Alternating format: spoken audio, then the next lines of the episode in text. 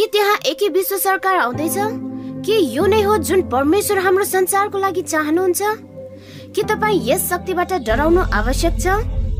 तपाईँ अहिले के गर्न सक्नुहुन्छ ताकि आउनेवाला कुराको लागि तयार हुन सक्नुहोस्? मेरो नाम केमी ओटमेन हो। बाइबलको भविष्यवाणी खुलाउने अब सुरु हुन्छ।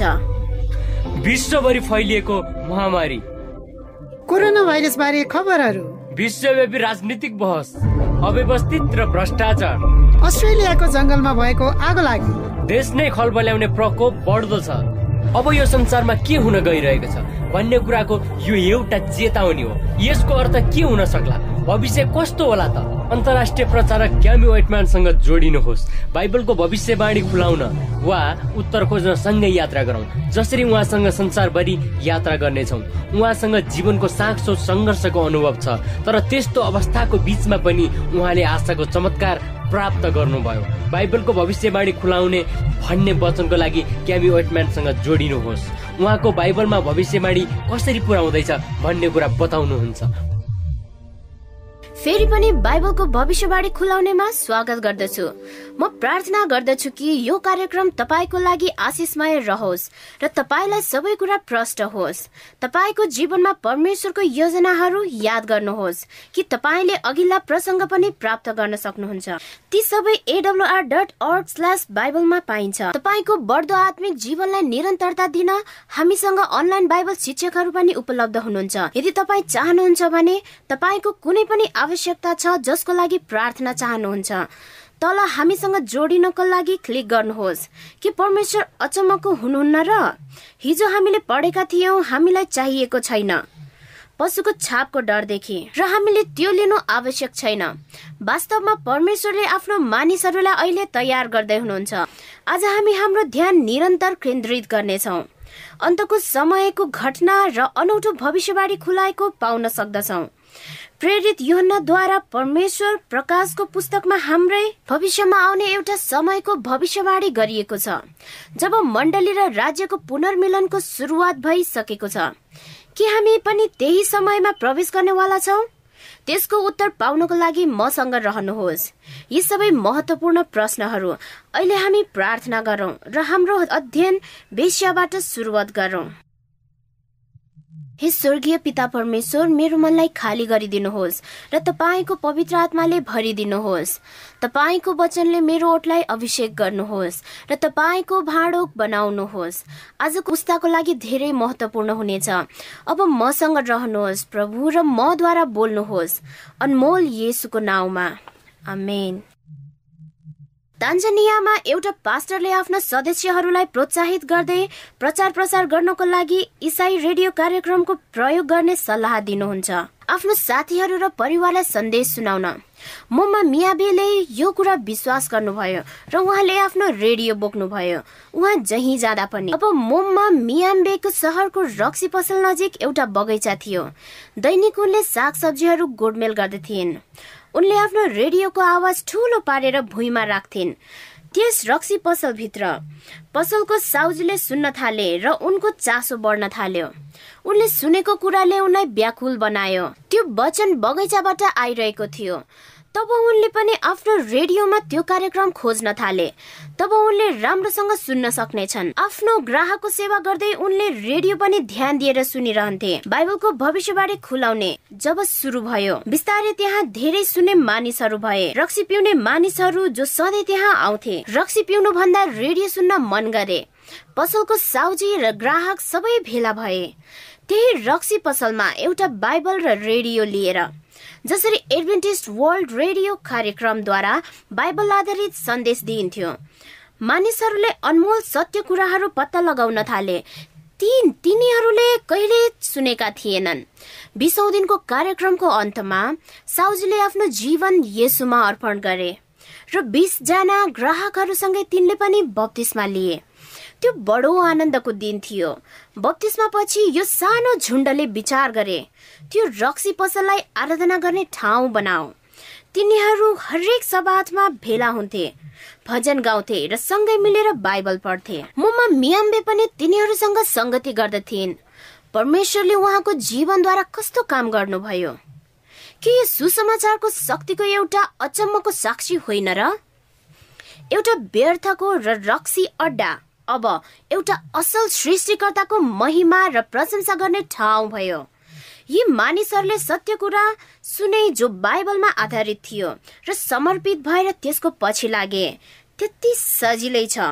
प्रकाशको पुस्तकले दुई प्रकारको धर्मको बारेमा कुरा गर्दछ। यसले पूजा गर्ने दुई प्रकारको तरिका प्रस्टाएको छ। प्रकाशले ती दुई मध्ये एक चुन्ने प्रस्ताव गरेको छ। यहाँ परमेश्वरले उहाँको मण्डलीलाई एउटा सुन्दर शुद्ध स्त्रीसँग तुलना गर्नु भएको छ। प्रकाश बाह्रमा त्यो स्त्री सेतो घोडामा सवारले वर्णन गर्दछ। भविष्यवाणी अनुसार शुद्ध स्त्री यसुको दुलही भनेर देखाइएको छ वा असल मण्डली। यर्मिया छको दुईमा अगमवक्ता भन्नुहुन्छ म सियोनको छोरीहरूलाई मन पराउँछु। एउटा प्रेमिलो र कोमल स्त्रीहरू। सियनको छोरीहरू भन्ने शब्दले परमेश्वरको मानिसहरू भन्ने बुझाउँथ्यो। प्रकाशको बाह्र अध्यायमा सेतो वस्त्र पहिरेकी एउटा स्त्रीको आकर्षक चिन्ह छ। उनी उनको असल प्रेमी यसुप्रति विश्वासयोग्य थिइन्। उनी अशुद्ध झुटा शिक्षाद्वारा बटुलिएकी छैनन्। उनी ख्रिस्टको दुलही भनेर व्याख्या गरिएको छ। प्रकाशको पुस्तकमा दुई स्त्रीहरूलाई एउटा चिन्हको रूपमा दिएको छ। वा यस पृथ्वीमा भएको उहाँको मण्डली। प्रकाश सत्र अध्यायमा अर्को स्त्री पनि छ। यो स्त्री बैजनी रङको पशुमा सवार थिइन्। बाइबलले त्यसलाई बेस्या स्त्री भनेर भनेको छ। उनले आफ्नो असल प्रेमी येसुलाई त्यागेकी छिन् र यो बेस्या झुटा धर्मको प्रतीक हो। आजको साँझ हामीले यही बेस्याको बारेमा हेर्नेछौ। हाम्रो विषय धेरै जटिल छ। यदि यो कुरा बाइबलमा छ भने म यसमा विश्वास गर्दछु। यदि यो बाइबलसँग सहमत छैन भने यो मेरो लागि होइन। हामी भने परमेश्वरको वचनमा अडिग रहनु पर्दछ र यदि मेरो पछि कोही पनि नआए तापनि म निरन्तर पछ्याउने छु नयाँ नियमको मण्डली यसुको साँचो मण्डली हो। पवित्र र शुद्धता प्रतिबिम्बित गर्दछ। किनभने उनको जीवनमा यसुले अधिकार गर्नुहुन्छ। उनको प्रेम र मन यसुमा जोडिएको छ। उनले कसैलाई प्रेम गर्ने छैनन्। उनी यसुको विश्वासयोग्य दुलही हुन्। तर यो सुन्दर दृश्य परिवर्तन हुनेछ। अर्को स्त्री लरेङ लुरुङ गर्दै हिँडेको देखा परे। त्यो सेतो वस्त्र पहिरेकी पवित्र स्त्रीको ठिक भिन्न थियो। प्रकाश सत्रको एकले भन्दछ सात मध्ये एक स्वर्गदूत जसको हातमा सात प्याला थियो र उनले मसँग कुरा गरे। आओ त्यो महान वेश्याको न्याय तिमीलाई म देखाउने छु जो पानीमाथि बसेकी थिए जसले पृथ्वीका राजाहरूले व्यविचार गरे र पृथ्वीका समस्त बासिन्दाहरूलाई आफ्नो व्यविचारको मध्य पिउनलाई। यहाँ एउटा चित्र छ जो एउटा साँचो मण्डलीको होइन तर पापी मण्डलीको हो। यसु आफ्नो असल प्रेमीबाट त्यो बेस्या धेरै टाढा गएकी छे। उनी धेरै पानीमाथि बसेकी छे। भन्नुको अर्थ के होला? बाइबलले त्यसको अर्थ आफै प्रकाश सत्रको पन्ध्रमा खुलाइएको छ। त्यो पानी जसमाथि त्यो बेस्या बसेकी छे। मानिसहरू भिडहरू जातिहरू र भाषाहरू हुन् जोसँग राजाहरूले पृथ्वीमा बेविचार गरेका छन्। बेविचार भनेको के हो? यो अनैतिक शारीरिक सम्बन्ध हो। तल दिएका केही मण्डली प्रणालीहरूमा मण्डली राज्यसँग मिसिएको छ। एउटा साँचो मण्डली प्रणालीमा मण्डली यसुसँग मिसिएको हुनु पर्दछ केही मण्डलीहरूले राजाहरूलाई हेर्दछन्। शक्ति पाउनको लागि पृथ्वीका राजनीतिक नेताहरूलाई हेर्दछन्। जब यसुसँगको सम्बन्ध टुट्दछ तब मण्डलले शक्तिको निम्ति पृथ्वीका राजाहरू वा राज्यका अधिकारीहरू यो व्यविचार स्त्रीले त्यो भिडको ध्यान केन्द्रित गराए। कसरी नयाँ प्रेमीहरूलाई मोहित पार्ने तिनलाई थाहा थियो। बैजनी र सिन्दुरे रातो गहनाले सिङ्गारिएकी र रातो रङको पशुमाथि बसेकी छे। यो पापी मण्डलीले त्यो राज्यबाट शक्ति पाउनेछ। जसरी तिनले सरकारी अधिकारीहरूलाई प्रभावित पार्नेछन् आफ्नो झुटा शिक्षालाई समर्थन गर्ने। उनले झुटा सिद्धान्तको मध्यको प्याला सबैलाई दिनेछन् यो संसार झुट कुराले मातिनेछ। लाखौंले बेबिलोनको मध्य पिउनेछ र ठगिनेछ। प्रकाश सत्रको तिनले भन्छ उहाँले मलाई आत्माद्वारा उजाड स्थानमा लानुभयो र मैले एउटा स्त्रीलाई बसिरहेको देखे। रातो पशु जोसँग ईश्वर निन्दाको नाउँ थियो जसको सात शिर र दस सिंह थियो। यो धर्मको झुटा प्रणाली ईश्वर विरुद्धको हो। यो शैतानको नक्कल हो। परमेश्वरले चेतावनीको विभिन्न चित्रहरू बनाउँदै हुनुहुन्छ। जब उहाँले राजाहरू र राज्यहरू भविष्यवाणी अनुसार पशुलाई नियुक्त गर्नुहुन्छ। उहाँले सबैलाई टाउकोमाथि गरी बस्ने आह्वान गर्नुहुन्छ। यी पशुहरू बेसियाको पासोमा पर्नेछन् जहाँबाट तिनले शक्ति पाउनेछिन्। तिनले राजाहरू र सरकारका कानूनलाई प्रभावित पार्नेछिन्। आफ्नो नीति र भ्रष्टतामा जेमिसन फाउसेट र ब्राउनको टिप्पणीको पृष्ठ पाँच सय त्रियानब्बेमा भोलियम चारमा फिलिपीहरूदेखि प्रकाशसम्म यी प्रोटेस्टेन्ट मण्डलीहरूका लेखकहरूले प्रकाश सत्रको विषयमा एउटा उल्लेखनीय कथन लेखेका छन्। राज्य र मण्डली परमेश्वरको असल उपहार हो भनेका छन्। तर त्यो राज्य जो अपवित्र छ मण्डली जो ईश्वर निन्दित कार्य गर्दछ त्यो बेस्या बन्दछ प्रकाश सत्रको चारले भन्दछ स्त्री वा पतन भएको मण्डली। बैजनी र रातो क्रममा मिलाएर राखेको। मोती र बहुमूल्य पत्थरहरू र सुनले सिँगारिएको थियो। यस कुराको विचार गरौँ। के तपाईँलाई कुनै धार्मिक प्रणालीको बारेमा थाहा छ? जसको पुजारी बैजनी र रातो रङको थियो? हो। प्राय जसो पाद्रीहरू रातो नै लुगा लगाउँछन्। गुड फ्राइडे र पाल्म सन्डे पेन्टिकोस्ट र एडभेन्टको बैजनी रङका थिए। व्रत र शोक सभामा पोपको कार्यमा पहिरने पहिरन हो। सांसारिक मुकुट भन्दा पनि सुन र गहनाले धनी। पोपको मुकुटको मूल्य हाम्रो कल्पना भन्दा पनि बाहिरको छ।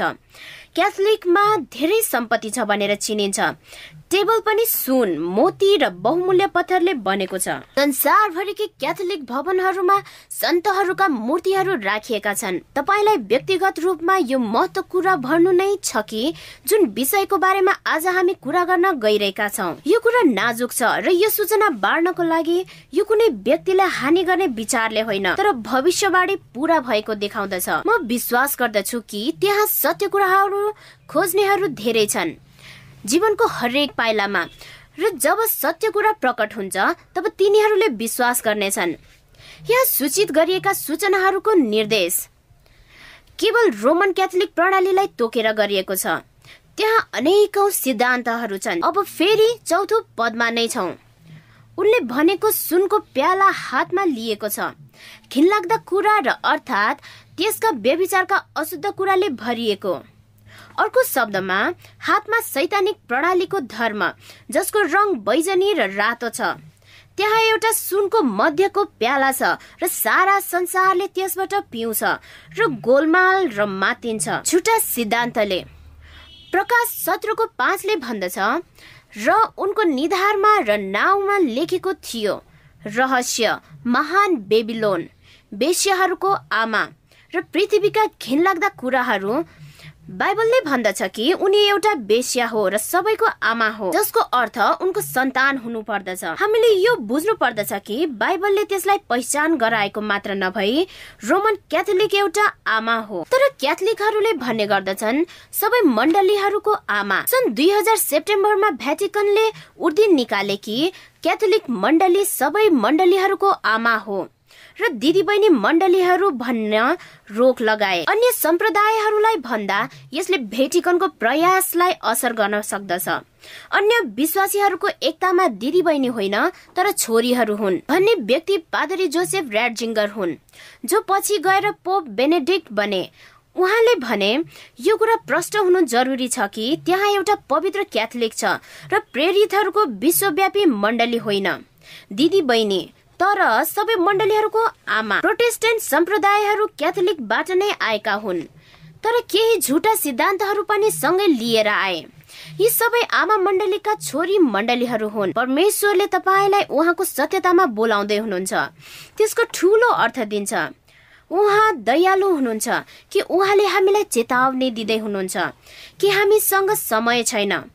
परमेश्वरले संसारभरिबाट सबै मानिसहरूलाई बोलाउँदै हुनुहुन्छ र तिनीहरूले उत्तर दिइरहेका छन्। भारतमा जस्तै जब त्यहाँ मलाई वचन बाँड्न बोलाइएको थियो यस्तै साधारण सन्देश एउटा मण्डलीसँग राजधानी सहरको पास्टर र बिसपहरूका साथमा यी प्रमुख मण्डलीहरूका अगुवाहरूले भविष्यवाणीका सत्य कुराहरू खोजिराखेका छन् र तत्काल तिनीहरूले महत्वपूर्ण नियमहरू लिइरहेका छन् कि तिनीहरूको संस्कार त्याग्ने वा बाइबललाई विश्वास गर्ने। र पपुवा न्यू गिनी जस्तै यो केवल एउटा प्रान्तको कुरा हो। आइतबारे मण्डलीका चौसठी पास्टर र तिनीहरूका परिवारहरूले ग्रहण गरे।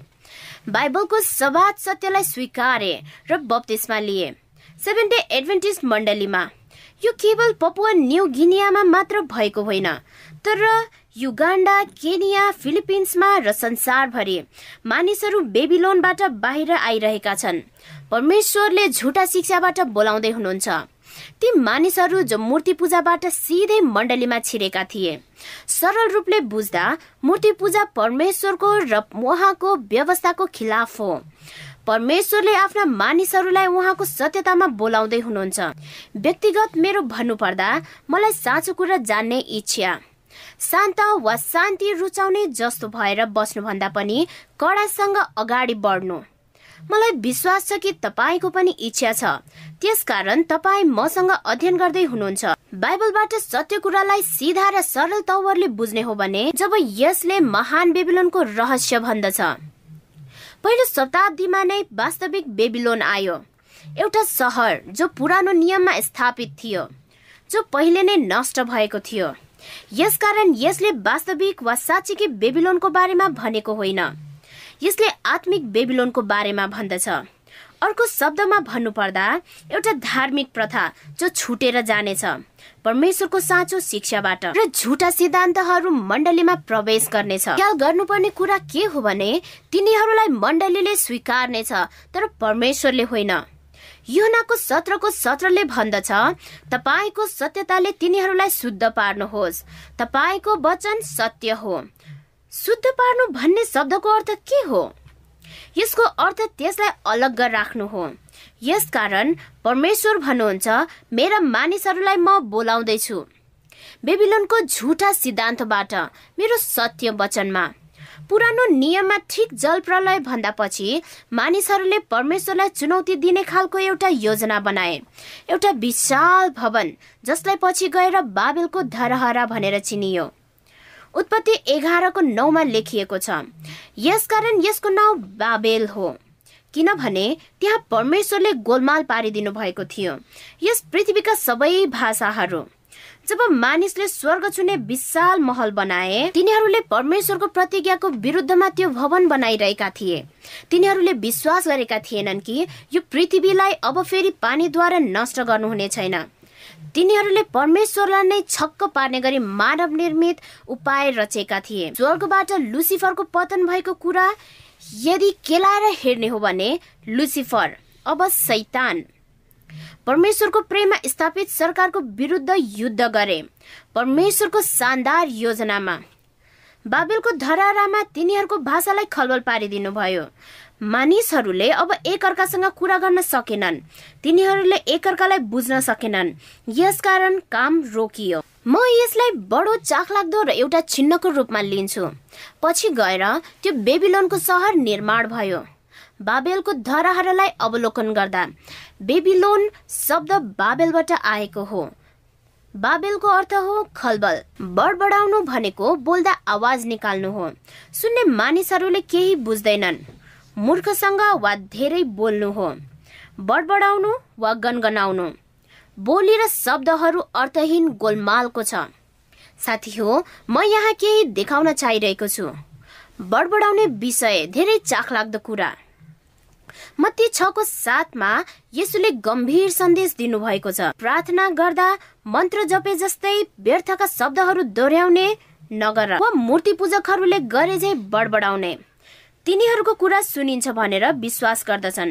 तिनीहरूका धेरै शब्दहरूको कारण जब मण्डलीले मानिसको विचारलाई स्वीकार्छ परमेश्वरको सन्देश भन्दा पनि त्यहाँ गडबडी र गोलमाल हुन्छ। यो मानिसको गोलमाल पार्ने धारणा मात्र हो।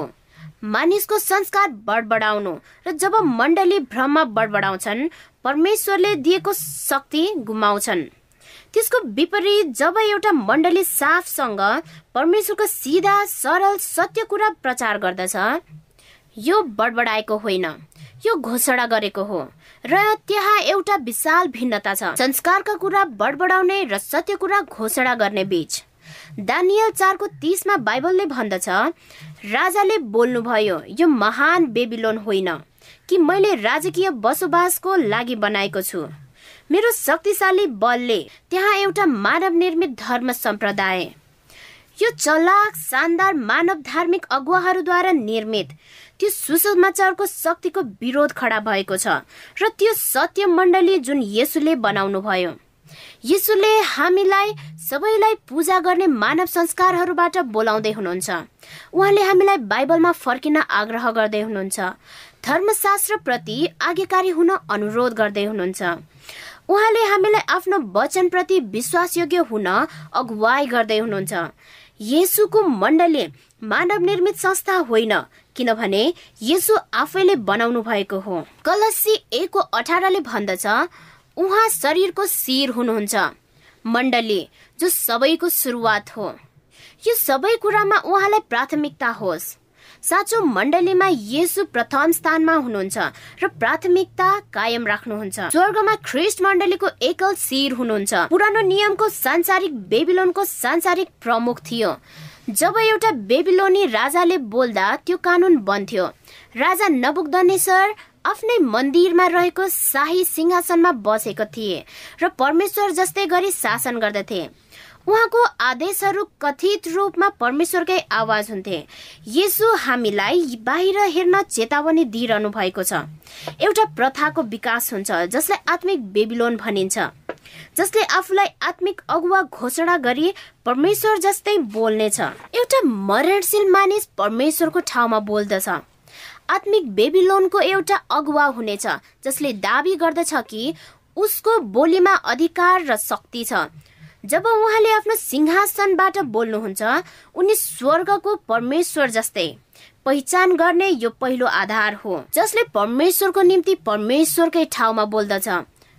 दोस्रो थेस्लोनिकी दुईको चारले भन्दछ जसले विरोध गर्दछ र आफूलाई सबैभन्दा माथि उचाल्दछ र आफूलाई परमेश्वर भन्दछ र पूजा गर्न लगाउँछ। अब ऊ परमेश्वर जस्तै गरी परमेश्वरकै मन्दिरमा बसेको छ कि आफू नै परमेश्वर हो भनी देखाउँदछ। यसैया सैतिसको स्वरले भन्दछ हे सर्वशक्तिमान परम प्रभु इसरायलका परमेश्वर करुबहरूका बीचमा विराजमान हुनुहुने। तपाईँ मात्र परमेश्वर हुनुहुन्छ। साँच्चै भन्नुपर्दा यो नै ईश्वर निन्दाको वास्तविक कार्य हुन्।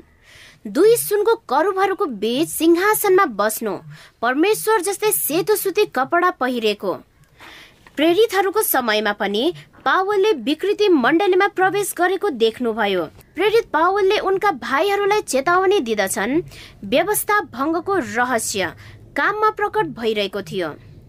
दोस्रो थेस्लोनिकी दुईको साथ तर त्यहाँ दोस्रो कुरा पनि छ। यो बेबिलोनी धर्मशैलीमा बेबिलोनी एउटा मूर्ति पूजाको केन्द्रबिन्दु थियो। पुरानो नियमभरि नै। यदि गहिरो रूपले बुझ्ने हो भने जुन कुरा प्रकाश सत्रमा महान बेबिलोनको रहस्य अब हामी पुरानो नियमको बेबिलोनको बारेमा केही बुझ्ने प्रयास गरौँ। बेबिलोनमा मूर्ति पूजा धेरै फस्टाएको थियो जबकि ख्रिसले हामीलाई निम्तो दिँदै हुनुहुन्छ। उहाँ कहाँ सिधै आउन। हामीलाई हाम्रो बीच केही चाहिँदैन। एउटा मूर्ति पूजाहारी वा सन्तहरू जस्तो कोही चाहिँदैन। यसु कहाँ आउन कुनै मध्यस्थताको जरुरत छैन। उहाँले तपाईँलाई धेरै माया गर्नुहुन्छ। कि उहाँले तपाईँ उहाँको नजिक भएको चाहनुहुन्छ। तपाईँ र तपाईँको मुक्तिदाताको बिचमा कोही पनि चाहिँदैन। प्रस्थान बिसको चार र पाँचले भन्दछ परमेश्वर भन्नुहुन्छ प्रभु भन्नुहुन्छ तिमीले केही नबनाउनु। आफ्नो निम्ति खोपेर कुनै मूर्ति न कसैको स्वरूपमा। स्वर्गमाथि भएको कुनै कुराको पनि वा पृथ्वी मुनि भएका वा पानी मुनि भएका तिमी उसको अघि ननिउरनु वा पूजा नगर्नु।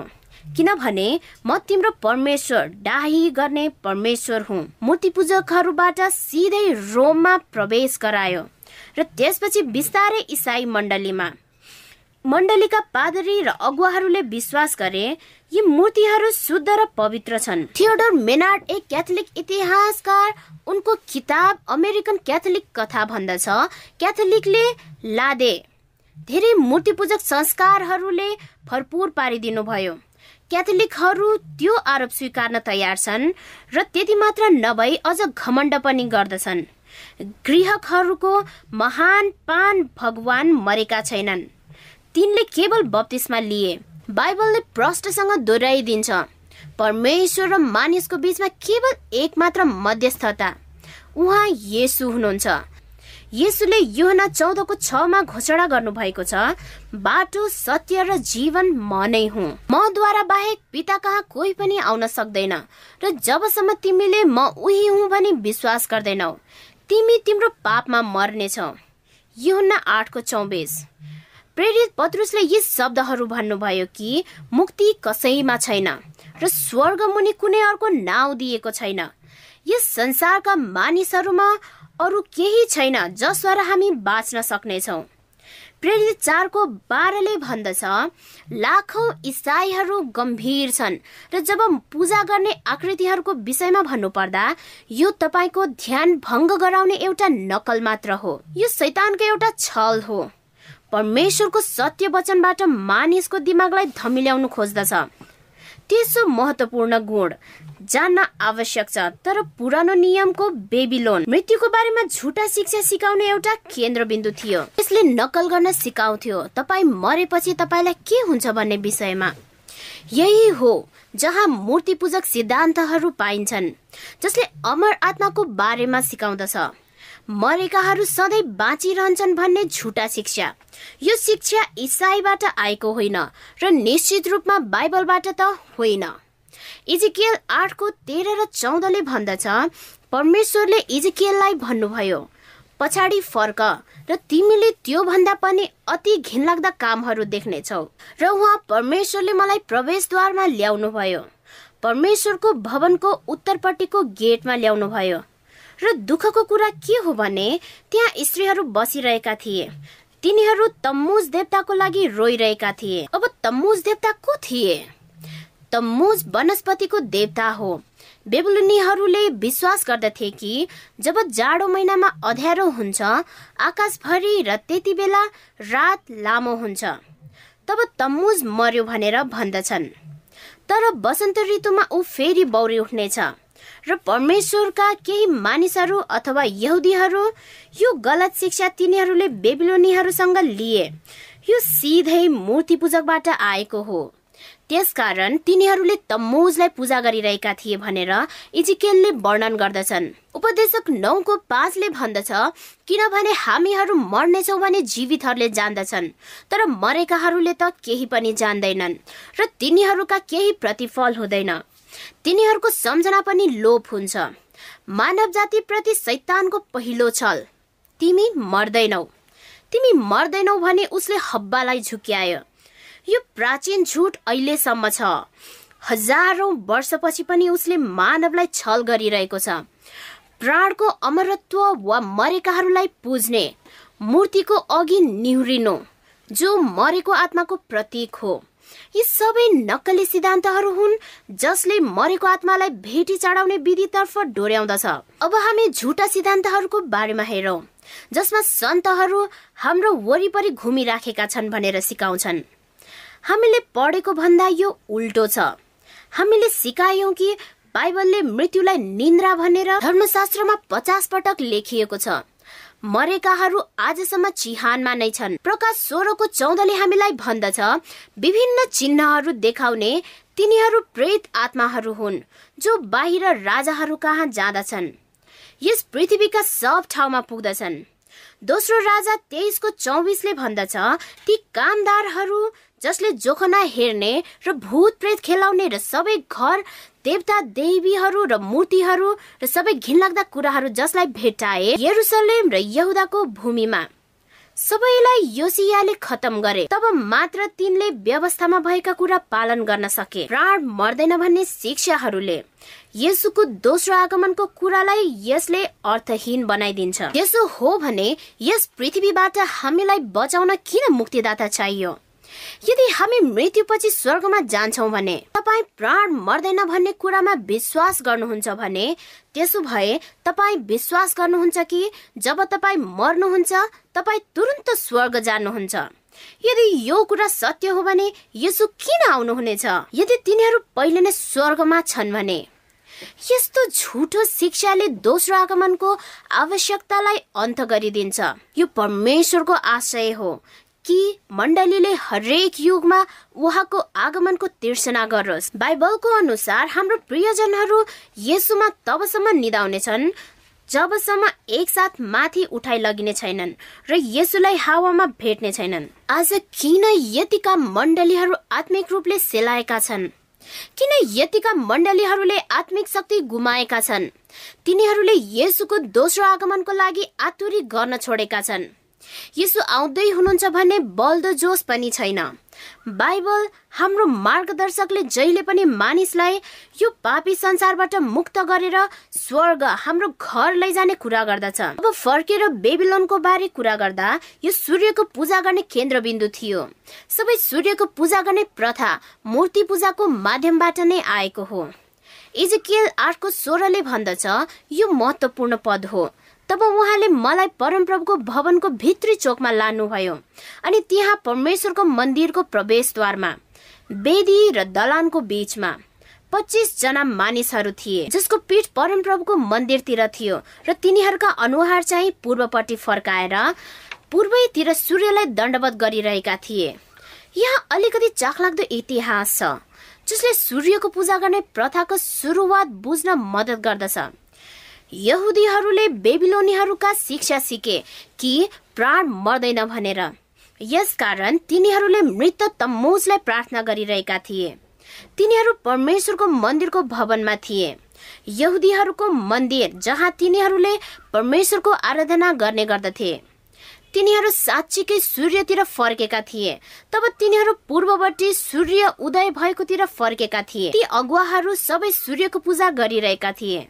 पुत्रको पूजा गर्न छोडेर सूर्यको पूजा। यो परमेश्वरलाई झापड हानेको जस्तो हो। सूर्यको पूजा गर्ने प्रथा मण्डलीमा बिस्तारै आयो। बेबिलोनीहरूका धार्मिक विधि विधानहरू यहुदी धर्मसँग मिसियो। तब सूर्यको पूजा गर्ने प्रथा आयो। हरेक इसाई मण्डलीहरूमा। प्रकृतिको पूजा किताबमा जेम्स जी फ्रेजर भोल्युम एक पृष्ठ पाँच सय उनातिसमा उहाँ भन्नुहुन्छ प्राचीन बेबिलोनमा सूर्यको पूजा गर्ने चलन अति प्राचीन कालदेखि सुरु भएको थियो। सूर्यको श्रद्धा गर्नु पवित्र हो भन्थे। सूर्यको पूजा विधिको एक भाग हो। यो सैतानको आक्रमण हो इसाई मण्डली प्रति दुई बेबिलोनोस भन्ने ऐतिहासिक पुस्तक डाक्टर अलेक्जेन्डर हिस्लोपले लेख्नु भएको पृष्ठ एक सय पाँचमा रोमले भएकै नीतिलाई आधार मानेर इसाईहरू र मूर्ति पूजकहरूको चाडपर्वहरूलाई मिसाएर एउटै बनाउन विभिन्न तरिका अप्नाए। र मूर्ति पूजक र इसाईहरू जो मूर्ति पूजामा धेरै ढुकी बसेका छन् यसमा र अन्य धेरै विधिहरू छन् जस्तो कि हात मिलाउने चलन आयो। त्यसकारण इसाई र मूर्ति पूजकहरूले हात मिलाउँदछन्। मूर्ति पूजक र इसाईहरूको बीचमा मिलाप ल्याउनु आइतबारले ठुलो भूमिका खेल्छ। के तपाईँले बुझ्नु भएको छ परमेश्वरले प्रकाश सत्रमा के भन्दै हुनुहुन्छ? उहाँले भन्दै हुनुहुन्छ कि धेरै झुटा शिक्षाहरू मण्डलीमा प्रवेश गर्नेछन्। उहाँले चेतावनी दिँदै हुनुहुन्छ कि महान आमा मण्डली धर्मशास्त्रको सत्यताबाट तर्केर जाँदैछ। अनौठो वाक्य बाप्तिस लेखकले लेखेको जसलाई मैले पढे। तपाईँ जो बत्तिस मण्डलीको हुनुहुन्छ तपाईँले पनि इच्छा गर्न सक्नुहुन्छ। बत्तिस मौलिक शिक्षाको लेखक डाक्टर एडवार्ड टी हेजकक्स हुन्। सन् अठार सय त्रियानब्बेमा उनले एउटा महत्वपूर्ण लेख लेखे। उनले आइतबार मण्डलीमा कसरी आयो भनेर व्याख्या गरेका छन्। उनले भन्छन् कति दुःख लाग्दो कि आइतबार मूर्ति पूजाको छाप लागेर मण्डलीमा छिर्यो र सूर्य भगवानको नाउँ लिएर इसाई भयो। पछि पोपतन्त्रले स्वीकार गरे र आधिकारिक बनाए र विरासतको रूपमा पवित्र विधि स्वरूप प्रोटेस्टेन्ट मण्डलीहरूले पाए। त्यो सुनाउनै पर्ने कुरा हो। बत्तिस मौलिक शिक्षाको लेखकले भनेका यो दुःखको कुरा हो कि आइतबार मूर्ति पूजाको थमिलो पानीबाट आएको हो। पहिला सुरुमा क्याथोलिकमा त्यसपछि हामी प्रोटेस्टेन्टहरूले स्वीकार गरेका हौ। अगमवक्ता एजिकियलले पनि कति दुःख लाग्दो कुरा भन्नु भएको छ किनभने परमेश्वरले सबातलाई एउटा चिन्हको रूपमा दिनु भएको छ। एजिकियल बिसको बाह्र मैले तिनीहरूलाई सबात दिनहरूमा पनि दिए। तिनीहरू र मेरो बीचमा चिन्हको लागि। तब तिनीहरूले जानुन् कि तिनीहरूलाई पवित्र पार्ने म परमप्रभु नै हुँ। प्रोटेस्टेन्ट मण्डलीहरूले आमा मण्डली त्याग्नेछन् र परमेश्वरले ती महान प्रोटेस्टेन्ट सुधारवादीहरू खडा गर्नुभयो। तर तिनीहरूले आमा मण्डलीको झुटा शिक्षाहरू त्याग्न सकेनन्। आइतबार आराधना गर्नु र प्राण मर्दैन भन्ने जस्ता झुटा शिक्षा परमेश्वरले सबैको लागि भनेर बाइबलका भविष्यवाणीहरू खुलाउनु भएको छ। ब्याप्टिस्टहरू क्याथोलिकहरू मेथोडिस्टहरू एपिस्कोपालियनहरू पेन्टिकोस्टरहरू इभेन्जेलिकलहरू हरेक जो यसुलाई प्रेम गर्नुहुन्छ र उहाँको सत्य कुरा पालना गर्नुहुन्छ। तपाईँले परमेश्वरको वचनबाट नयाँ कुराहरू सिक्दै हुनुहुन्छ। जब तपाईँ यी नयाँ शिक्षाहरू सिक्दै जानुहुन्छ तब सत्य कुरा पत्ता लगाउनु हुनेछ। तपाईँको हृदयले केही भन्न खोजिरहेको छ। यो कुराले मलाई पपुवा न्यू गिनियामा भएको एउटा विवाहित परिवारको याद भयो। हेलेन र सिमोन तिनीहरू दुवै आइतबारे मण्डलीका अगुवाहरू हुन् जसले निरन्तर असहज अनुभव गरे। जब बाइबलमा सवादको विषयमा पदहरू पढ्दा र जब हेलेनले प्रचार गर्दा उनले जानी जानी सबादको विषय कुनै पनि पदहरू आएमा उनले छोड्ने गर्दथे। एक आइतबार जब उहाँले मण्डलीमा वचन प्रचार गरिरहनु भएको बेला फेरि पनि उनले त्यस्तो पद पढ्नदेखि इन्कार गर्नुभयो। उहाँलाई त्यति नै बेला थाहा भयो कि उहाँले गहिरो अध्ययन गर्न आवश्यक ठान्नुभयो।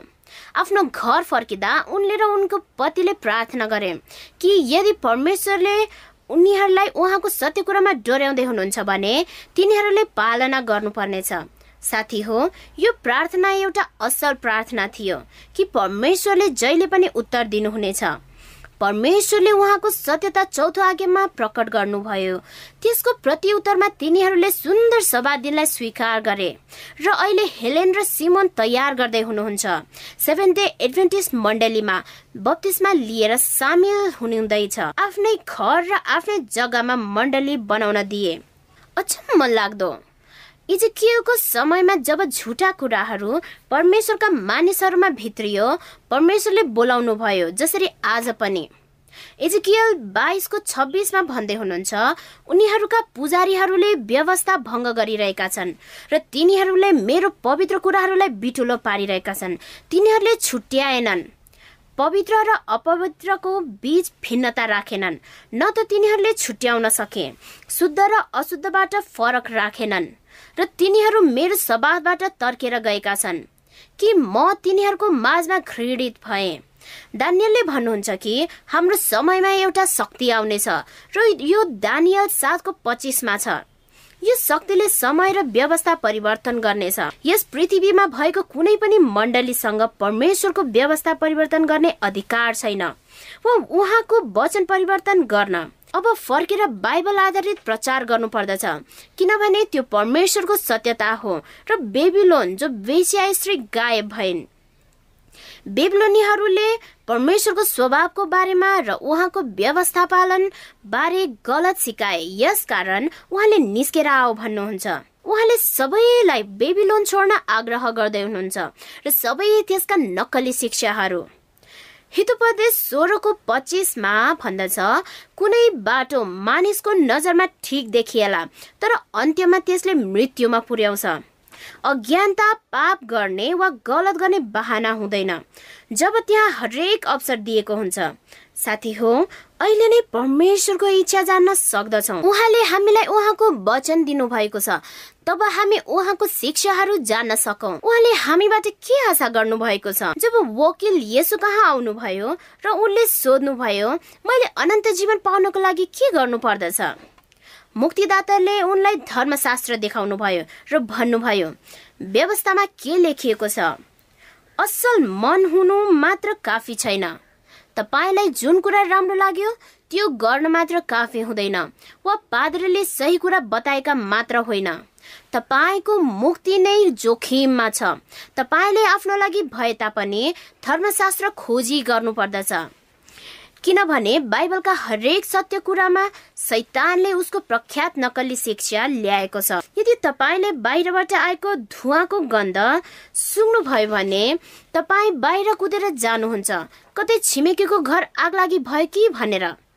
तपाईँले तिनीहरूलाई तुरुन्तै बाहिर आऊ भनेर बोलाउनुहुन्छ। साथी हो यदि तपाईँको मण्डलीले परमेश्वरको दश आज्ञा अब लागू गर्दैन भनेर सिकाउँछ भने त्यो परमेश्वरको नैतिक व्यवस्था जसले उहाँको स्वभावलाई प्रतिबिम्बित गर्दछ त्यो अब लागू हुन्न भनेर सिकाउँछ भने बाइबलतिर भाग्नुहोस्। योहन्ना चौधको पन्ध्रमा यसुले अनुरोध गर्नु भएको छ तिमीहरूले मलाई प्रेम गर्छौ भने मेरा आज्ञाहरू पालना गर्नेछौ।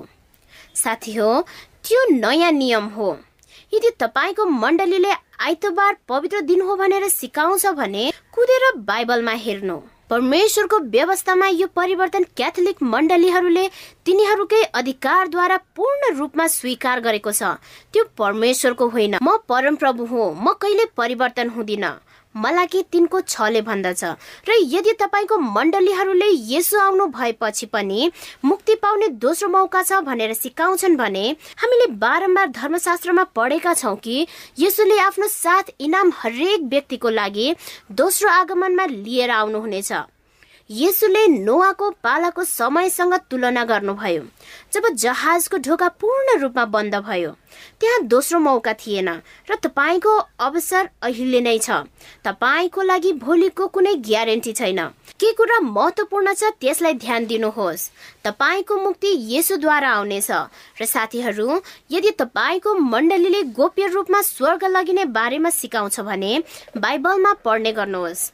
हामीले पढेका छौँ कि हरेक आँखाले उहाँ आएको देख्नेछ। उहाँ बादलमा आफ्नो स्वर्गदूतहरूको प्रकाशमा आउनुहुनेछ। ठुलो स्वर र तुरहीको आवाज साथ। धेरै ठुलो आवाज शानदार विश्वव्यापी रोमाञ्चक ऐतिहासिक घटना हुनेछ। यसुको दोस्रो आगमन जे जस्तो भए पनि तर गोप्य हुनेछ।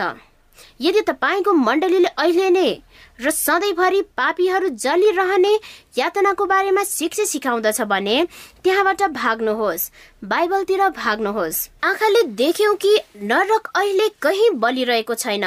पापीहरूलाई पूर्ण रूपले आगोले भस्म पार्नेछ र त्यसपछि त्यो निभ्नेछ। नरकको आगो सधैँभरि जलिरहने भनेको त्यति बेलाको अवस्थामा मात्र हो। साथीहरू यदि तपाईँको मण्डलीले प्राण मर्दैन भनेर सिकाउँदछ भने तपाईँ त्यहाँबाट भाग्नुहोस्। जुन प्राणीले पाप गर्दछ त्यही मर्नेछ। धर्मशास्त्रले प्रष्ट भन्दछ कि मृतकलाई केही थाहा हुँदैन। उपदेशक नौको पाँच। केवल परमेश्वर मात्र अमर हुनुहुन्छ। एउटा ठुलो खतरा यो हो कि एउटा मानिसले बाइबल पढ्दछ। यसले उनलाई प्रश्नसँग भन्दछ कि पापीहरू खरानी हुनेछन् र नरकको आगोद्वारा त्यसको अस्तित्व सधैँको लागि मेटिदिनुहुनेछ। तर तिनीहरूलाई अनन्तको यातनाको बारेमा सिकाउँदछ। उनीहरूको मण्डलीले सिकाएका कुरा साँचो हो भनी विश्वास गर्दछ र ती धर्मशास्त्रका सरल वचनहरू बुझ्न सकिँदैन भनी मानिलिन्छ र उसले आफ्नो बाइबल अध्ययन गर्ने इच्छा त्यागिदिन्छ। मती सातको तेह्र र पन्ध्रले भन्दछ साँगुरो ढोकाबाट पस किनभने फराकिलो ढोका अथवा चौडा ढोका बाटो जसले विनाशमा पुर्याउँछ र त्यहाँबाट जाने धेरै हुन्छन्।